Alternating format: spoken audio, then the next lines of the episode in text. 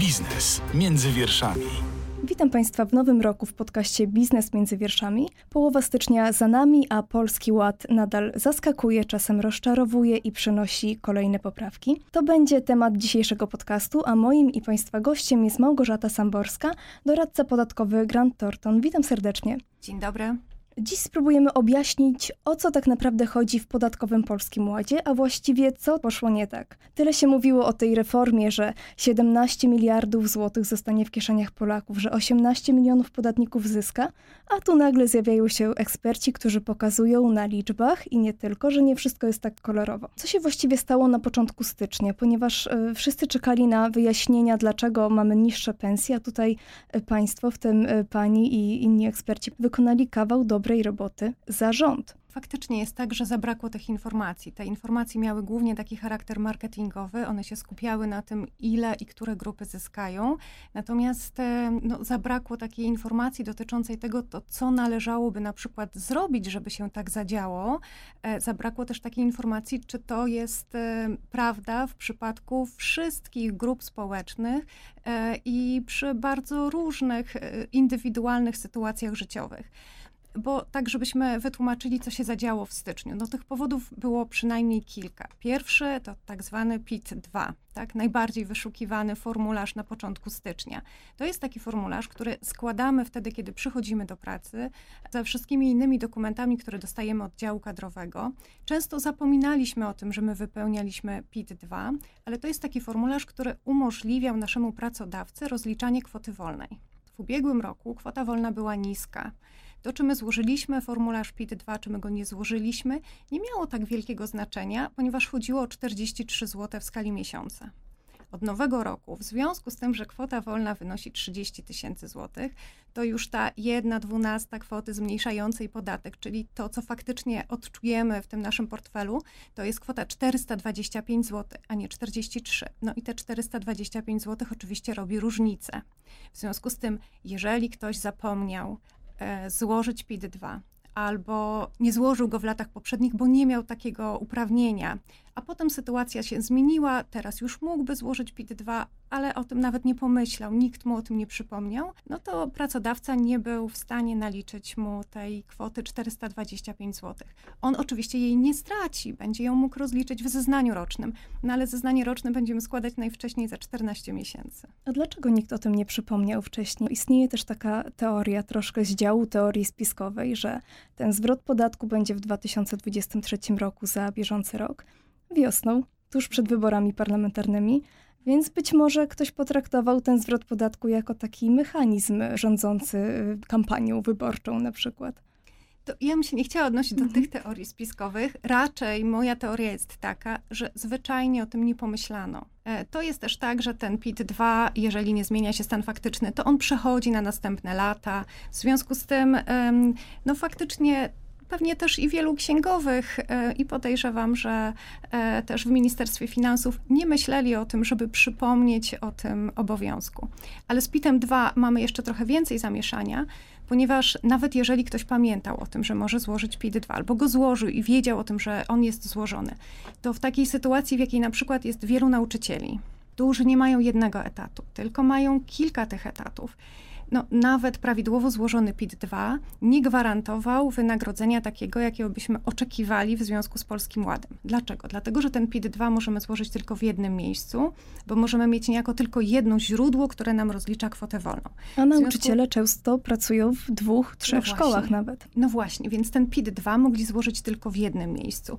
I teraz załóżmy, że nauczyciel ma wynagrodzenie 2000 brutto w jednym zakładzie pracy, złożył PIT-2, pracodawca rozliczył mu całą zaliczkę. Gdyby nie było PIT-u 2, to tej zaliczki wyszłoby 250 zł.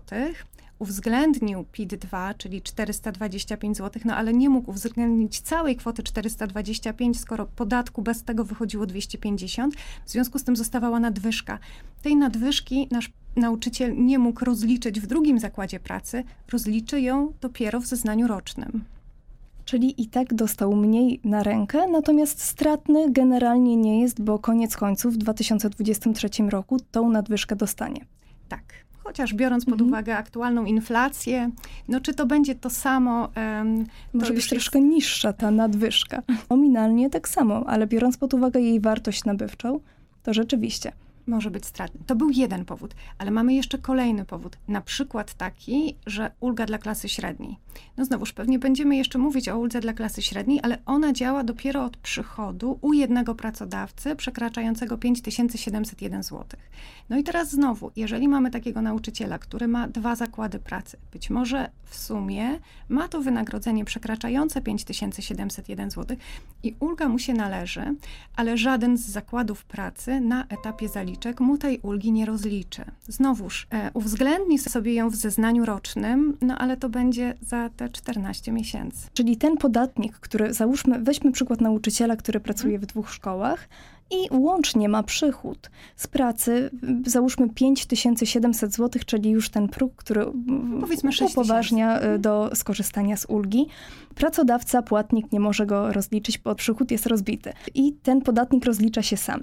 I Mhm. co w takiej sytuacji musi zrobić? Czy będzie musiał zastosować się do wzoru, którego nawet nie chciałabym w podcaście przytaczać? Czy też będzie miał możliwość skorzystania na przykład w programu Twój EPIT, który rozliczy mu tą ulgę automatycznie korzystając z algorytmów? Zakładam, że tak właśnie będzie. To znaczy, to jest takie e, moje myślenie życzeniowe, e, że to nie jest tak, że my, każdy z kalkulatorem, będziemy teraz podstawiać kwotę naszych przychodów do wzoru i wyliczać to ręcznie, tylko faktycznie no, ten mechanizm jest stosunkowo prosty. E, W PIT 11, które otrzymujemy od naszego pracodawcy, są jakby wyodrębnione przychody z pracy. W związku z tym no, te przychody z pracy powinny się w mojej ocenie automatycznie przeliczyć i ta ulga powinna być nam automatycznie naliczona, jeżeli samodzielnie składamy zeznanie roczne, bo trochę inna sytuacja jest w przypadku małżonków. Ja mam takie pytanie podstawowe dotyczące tej ulgi. To jest też powód, dla którego wielu nauczycieli rezygnowało z tej ulgi. Bali się, że y, przekroczą choćby o złotówkę ten próg, który y, kwalifikuje do tej ulgi i wtedy będą musieli zwracać te korzyści. To prawda, że jest e, ogromna obawa co do tego, jaka będzie wysokość ulgi w zeznaniu rocznym, bo to, co nam nalicza pracodawca, nie jest taką wartością definitywną, tylko ona się zmieni. Ona się zmieni dlatego, że my za każdym razem musimy podstawiać do wzoru wysokość naszych przychodów. Natomiast to, co robi pracodawca na etapie zaliczki, on podstawia do wzoru nasze przychody w skali miesiąca. I teraz, jeżeli nasze przychody w skali miesiąca w każdym miesiącu byłyby identyczne i jeszcze mieściły się w tym przedziale e, do ulgi, to faktycznie jest tak, że ulga naliczona przez pracodawcę co miesiąc będzie się równała uldze należnej w skali roku. Natomiast już w tej sytuacji, kiedy e, mamy dysproporcje w wynagrodzeniu, albo nie wszystkie przychody są na przykład przychodami z pracy, bo tutaj, jeżeli jesteśmy na zasiłku chorobowym, to to nie jest przychód z pracy, nawet jeżeli nam zakład pracy wypłaca ten zasiłek chorobowy, tylko to są już tak zwane inne źródła. Jeżeli jesteśmy na em, zasiłku macierzyńskim, bo urodziliśmy dziecko, również nie mamy przychodów z pracy. Więc może być wiele takich sytuacji, kiedy my mamy po pierwsze albo dysproporcję w przychodach, em, no, związaną z tym, że mamy różne elementy wynagrodzenia, albo no właśnie otrzymujemy zasiłek, albo jest tak, że po prostu mamy dysproporcję, bo czasem dostajemy nagrodę, czasem dostajemy premię, na koniec roku możemy dostać premię. No i faktycznie jest tak, że są takie miesiące, kiedy nam pracodawca nalicza, nalicza tą ulgę dla klasy średniej, a okazuje się, że na koniec roku, na przykład dlatego, że dostaliśmy premię w grudniu, to my już prawa do takiej ulgi nie mamy, albo mamy w dalszym ciągu prawo do ulgi, ale jej wysokość tej ulgi jest zupełnie inna niż ta naliczona przez pracodawcę w zaliczkach. Czy nauczyciele zrobili dobrze, podpisując rezygnację z naliczania tej ulgi dla klasy średniej? Mówię o tych nauczycielach, których zarobki y, mogą być niższe finalnie niż 5700 brutto. W przypadku, kiedy szacowane e, średnio miesięczne przychody są niższe niż 5700 brutto, to ta ulga i tak nie byłaby naliczana przez pracodawcę. Mhm. W związku z tym to pozostawało bez znaczenia, czy oni taki wniosek złożyli, czy nie. Przy wyższych dochodach, e, no faktycznie, zakładając, że prawidłowo szacujemy nasze średniomiesięczne przychody i że się w tej uldze złapiemy niejako, no to e, jakby nie było potrzeby, żeby rezygnować z ulgi. Natomiast, no biorąc pod uwagę te wszystkie sytuacje losowe, które mogą się zdarzyć, tak? Bo może być tak, że ja na przykład stracę pracę w połowie roku. W związku z tym e, przez połowę roku mój pracodawca nalicza mi ulgę, natomiast ja w połowie roku tracę pracę i już nie mam przychodów z pracy i to może oznaczać, że nie uzbieram 68 tysięcy przychodów z pracy, w związku z tym prawa do tej ulgi nie będę miała w ogóle. Czyli wtedy, kiedy płatnik obliczy nam te kilka miesięcy naszej pracy, zanim załóżmy ją straciliśmy, uwzględni w uldze dla y, klasy średniej, to może wyjść tak w konsekwencji, że będziemy musieli zwrócić to, co Dopłacić. wzięliśmy? Tak jest.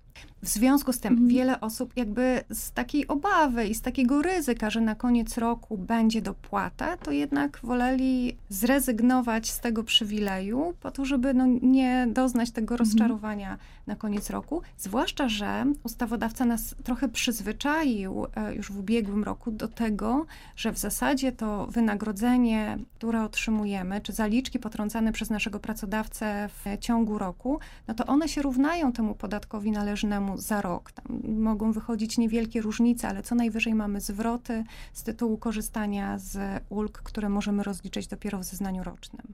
Słuchasz podcastu Radia Z.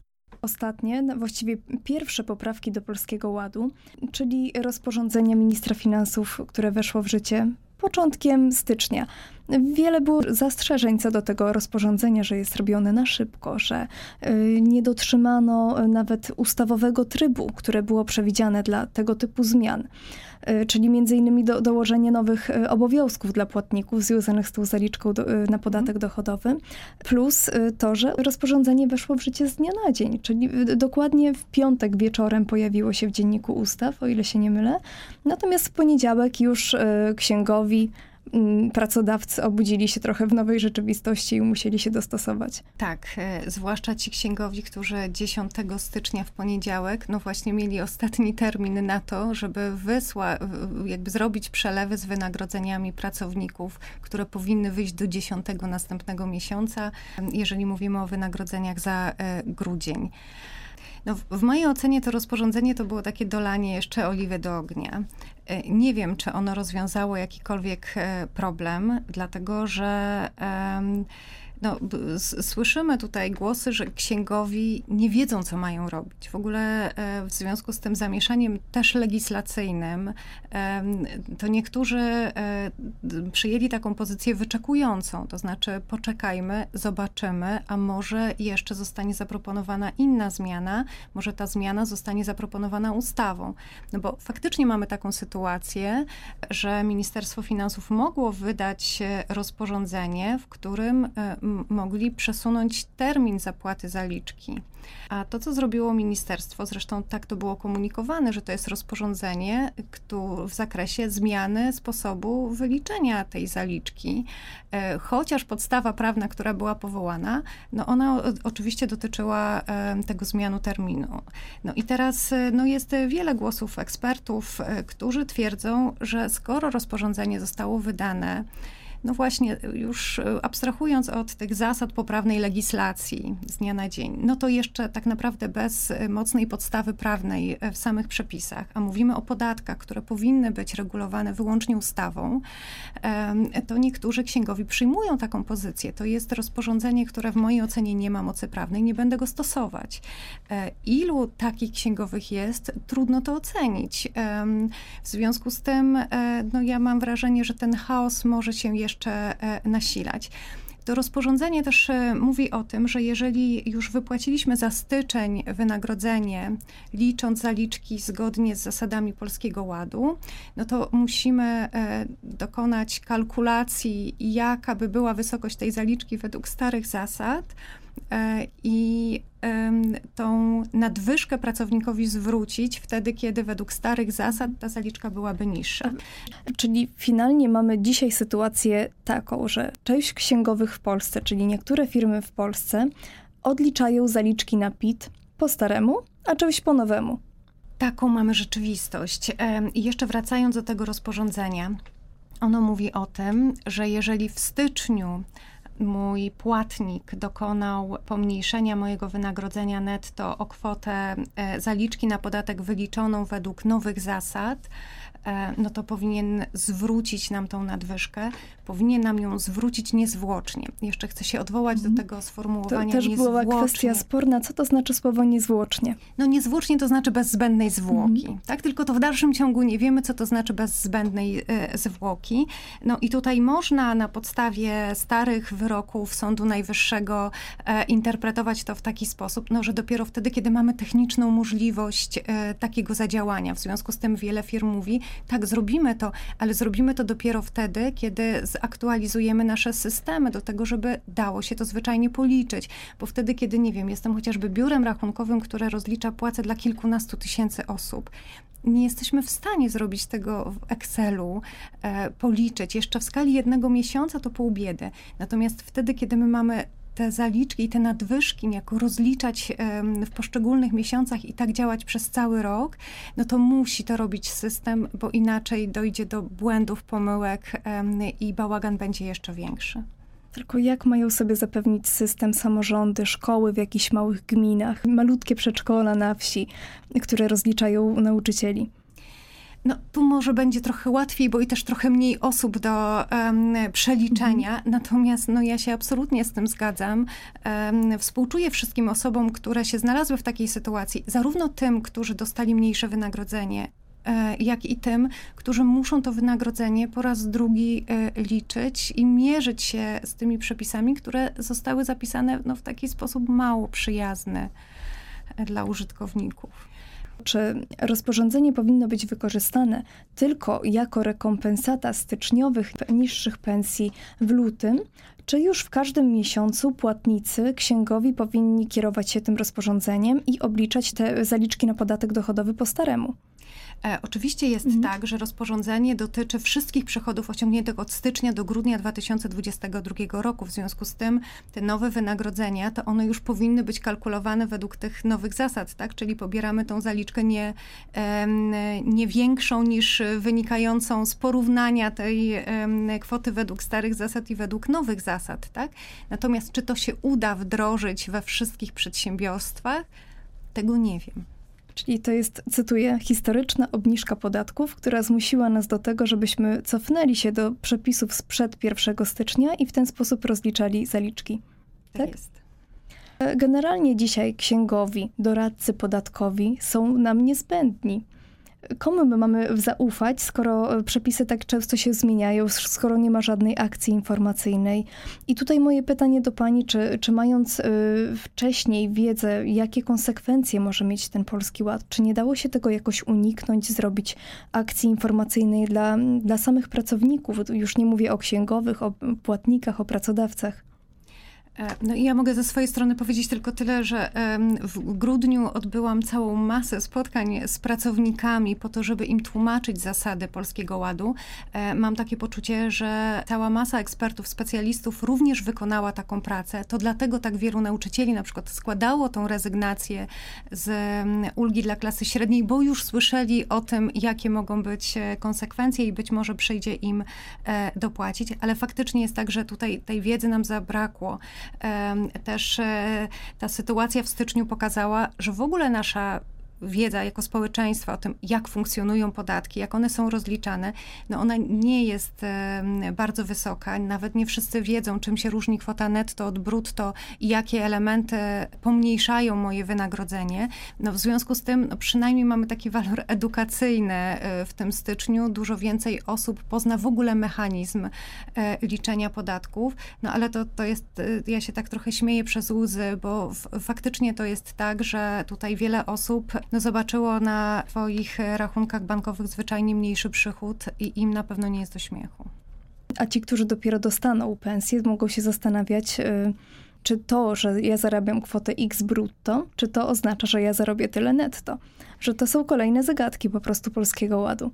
To prawda, to znaczy mamy w tej chwili tak bardzo skomplikowany system podatkowy, że e, no, to są takie trudne decyzje i, i w ogóle nie jest nam łatwo przewidzieć, ile my z kwoty brutto dostaniemy na e, rachunek bankowy. To tutaj mówimy wyłącznie o pracownikach. Natomiast jakby jeszcze większy dylemat mają tak naprawdę przedsiębiorcy, którzy od nowego roku to też muszą podjąć decyzję, czy oni się rozliczają według skali, czy tak zwanym podatku liniowym, czy według ryczałtu, czy może jeszcze w jakiś inny sposób tutaj angażując się w określone spółki kapitałowe. No i to jest znowu tak, że to, jakie ja podatki zapłacę, wynika od tego, czy ja teraz w styczniu wykonam tą właściwą symulację i właściwą kalkulację i czy w sposób właściwy przewidzę, e, jakie będą moje przychody w skali roku i w związku z tym, który wariant najbardziej mi się opłacało wybrać. Straszne. Ja podam może e, krótki przykład. Krajowa e, Izba Doradców Podatkowych w liście do premiera zaznaczyło taki przykład informatyka na etacie, który jest stratny niestety mm. na, na Polskim Ładzie w porównaniu do informatyka w, na działalności opartej o ryczałt. Ryczałt wypada znacznie lepiej w tym zestawieniu. Absolutnie tak. Proporcjonalnie obliczono, jaką część pensji zabierają nam składki, podatki na etacie w Polskim Ładzie. O ile się nie mylę, było to 42% w przypadku etatowca. W przypadku ryczałtowca może kilkanaście. Tak, absolutnie ma Pani rację. Faktycznie dochodzimy do takiej sytuacji, kiedy to, e, no po pierwsze, dochody aktywne są dużo e, bardziej wyżej opodatkowane niż takie dochody pasywne, e, zwłaszcza teraz, kiedy nam dochodzi ta nieodliczalna składka zdrowotna. No po drugie, jakby najbardziej obciążone są jakby te dochody z pracy, a to jakby zniechęca do podejmowania aktywności na podstawie umowy o pracę. No i mamy taką sytuację, dosyć chyba wyjątkową na tle e, Europy, jak i świata, że mamy całą rzeszę e, osób tak zwanych samozatrudnionych, e, którzy wybierają to samozatrudnienie no w dużej części no właśnie ze względów podatkowych, no chociażby ten informatyk, który jest przedsiębiorcą, nawet jednoosobowym przedsiębiorcą, ma prawo wybrać zryczałtowany 12% podatek oraz zapłacić zryczałtowaną składkę zdrowotną i jego sytuacja jest dużo prostsza i jego netto jest dużo wyższe. Wyobraźmy sobie, jak e, rządzący kreowali Polski Ład to e, też z troską o stan budżetu, żeby po prostu wpływy podatkowe się zgadzały. I teraz w konsekwencji Polskiego Ładu, kiedy e, sporo osób być może odejdzie w samozatrudnienie po to, by płacić niższe podatki, to też w budżecie może zabraknąć pieniędzy, więc troszkę to się mija z celem, jaki był na początku zamierzony. Ja w ogóle e, z takim niepokojem obserwuję w ogóle kwestie związane z budżetem. E, no i na pewno będę z uwagą śledzić wykonanie tego budżetu e, w tym roku, dlatego że no, jest wiele sygnałów świadczących o tym, że faktycznie te wpływy mogą być niższe. No tutaj te dodatkowe działania rządu, jakby chociażby polegające na obniżce VAT-u z tytułu dostawy niektórych towarów, czy to żywności, czy gazu, czy paliwa, no one też spowodują e, niższe wpływy do budżetu. W związku z tym sama jestem ciekawa, czy to zwyczajnie nie zrujnuje finansów. Zbliża się tak naprawdę koniec pierwszego miesiąca obowiązywania Polskiego Ładu. Końcem miesiąca większość etatowców, większość pracowników dostaje pensję. I czy można oczekiwać, że jeszcze jakieś kwiatki nam z tego wyrosną, że, e, że może coś pójść po prostu nie tak, że jeszcze będzie fala rozczarowań, że e, pensja się nie zgadza? No ja myślę, że wiele osób dopiero wtedy, kiedy dostanie wynagrodzenie za styczeń, to tak naprawdę zacznie się interesować, dlaczego to wynagrodzenie jest w takiej, a nie innej wysokości. Tutaj o jednej rzeczy możemy przypomnieć. Ministerstwo Finansów e, poradniku dotyczącym PIT-2 wskazało, że ten PIT-2 można złożyć w dowolnym momencie. Chociaż z przepisów wynika, że należy go złożyć przed wypłatą pierwszego wynagrodzenia w roku podatkowym, to ministerstwo uważa, że nie ma przeszkód, żeby złożyć to w dowolnym momencie. W związku z tym to też może taki apel, jeżeli ktoś jeszcze nie zweryfikował, czy na pewno złożył w latach poprzednich PIT-2, to powinien to zrobić jak najszybciej. To dzięki temu przynajmniej e, uratuje tą kwotę 425 zł. No ale to oczywiście nie jest jedyny element, który wpływa na wysokość naszego netto.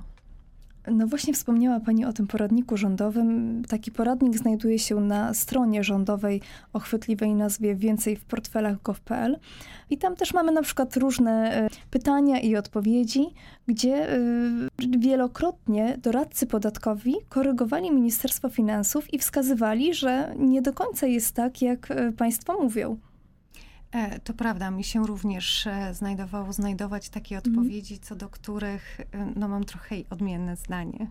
No więc pytanie, komu my mamy ufać, skoro taki człowiek o przeciętnej wiedzy podatkowej szuka odpowiedzi na swoje pytanie, no to na łatwiznę idzie na portal rządowy, e, wchodzi na ten portal rządowy licząc, że ma tam wiarygodną informację. Nie jest to oczywiście jakaś urzędowa interpretacja, która mu da pewność, że jeśli postąpię tak, a nie inaczej, nie zapłacę kary.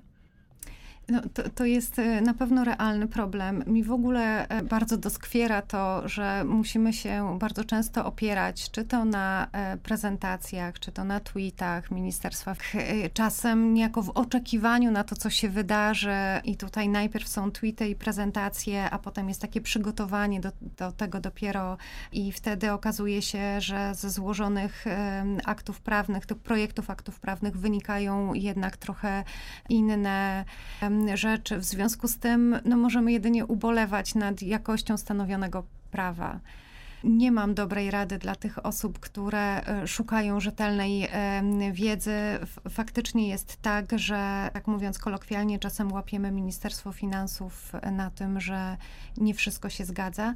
Jakby wszyscy się teraz uczymy tego nowego polskiego ładu.